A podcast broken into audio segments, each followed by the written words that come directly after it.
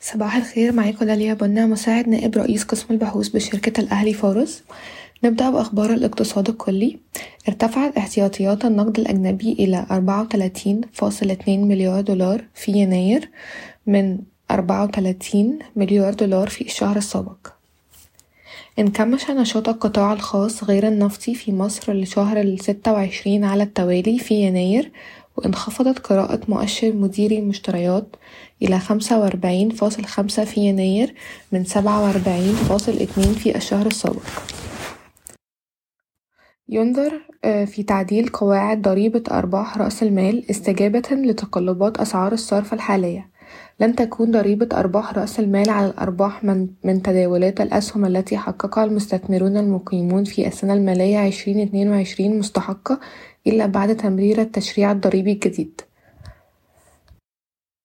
وافقت اللجنة الصناعية بمجلس الشيوخ على مشروع قانون جديد صاغته الحكومة من شأنه أن يمنح هيئة التنمية الصناعية السلطة لمدة ثلاث سنوات للسماح بتشغيل المشاريع الصناعية غير المرخصة لفترة مؤقتة مدتها عام واحد.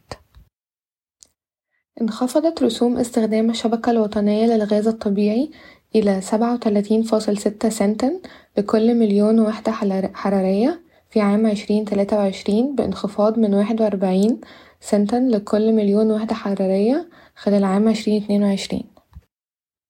أما بالنسبة لأخبار القطاعات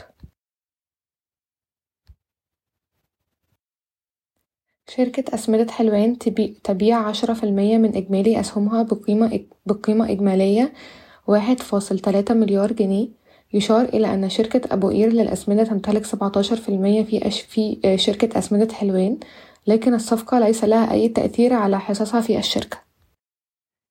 تهتم صناديق الاستثمار الأجنبي بالاستحواذ على حصة في شركة النصر للأسمدة سماتكو تتطلع الحكومة لبيع أسهمها للمستثمرين استراتيجيين ويشار إلى أن الشركة القابضة للصناعة للصناعات الكيماوية هي المالك الرئيسي لأسهم سيماتكو وحاليا يتم إجراء تقييم لتحديد القيمة العادلة للشركة. حقق EG Bank صافي أرباح بلغت 856 مليون جنيه في عام 2022 وهي زيادة قدرها 22.9% عن عام 2021 وفقًا, لوسائل الإعلام المحلية يتطلع البنك العربي الإفريقي الدولي لبيع كامل حصته البالغة 12.7% في بالم هيلز لشركة استثمار إماراتية العين القابضة. تم تأجيل موعد محكمة شركة المصرية للمنتجعات السياحية لدعوى قطعة أرض المرحلة الثالثة بمساحة عشرين مليون متر مربع في سهل حشيش إلى حداشر مارس عشرين تلاتة وعشرين. وقعت شركة ابن سينا اتفاقية توزيع مع شركة بورينجر إنجلهايم إحدى الشركات الدوائية الرائدة في العالم لتوزيع علاجاتها. تخطط شركة كونكورد للاستثمارات الدولية ومقرها الولايات المتحدة لتأسيس شركة تبلغ قيمتها أربعين مليون دولار أمريكي للاستثمار في قطاع الرعاية الصحية في مصر. أطلقت شركة الكهرباء المصرية مصنعًا جديدًا لإنتاج العدادات بطاقة واحد فاصل خمسة مليون متر سنويًا باستثمارات ستين مليون جنيه في أبو رواش بالجيزة.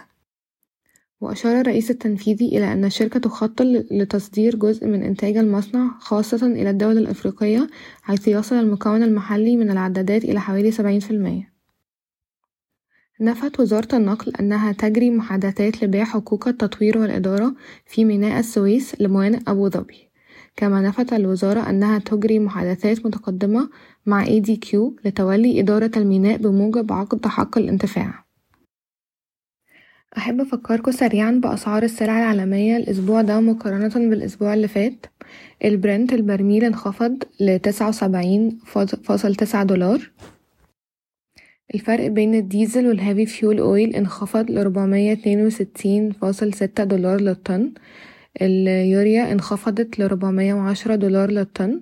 البولي ايثيلين ارتفع لألف مية وعشرين دولار للطن. البولي بروبيلين مستقرة عند ألف خمسة وعشرين دولار للطن. الفرق بين أسعار الحديد وخام الحديد ارتفع لربعمية اتنين وسبعين دولار للطن. سعر الألمنيوم انخفض لألفين خمسمية خمسة وتلاتين دولار للطن. الأسمنت في مصر مستقرة عند ألف تسعمية وعشرين جنيه مصري للطن.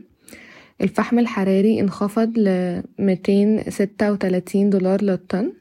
واللبن البودرة مستقر عند ألفين تمنمية اتنين وأربعين دولار للطن. شكرا ويومكم سعيد.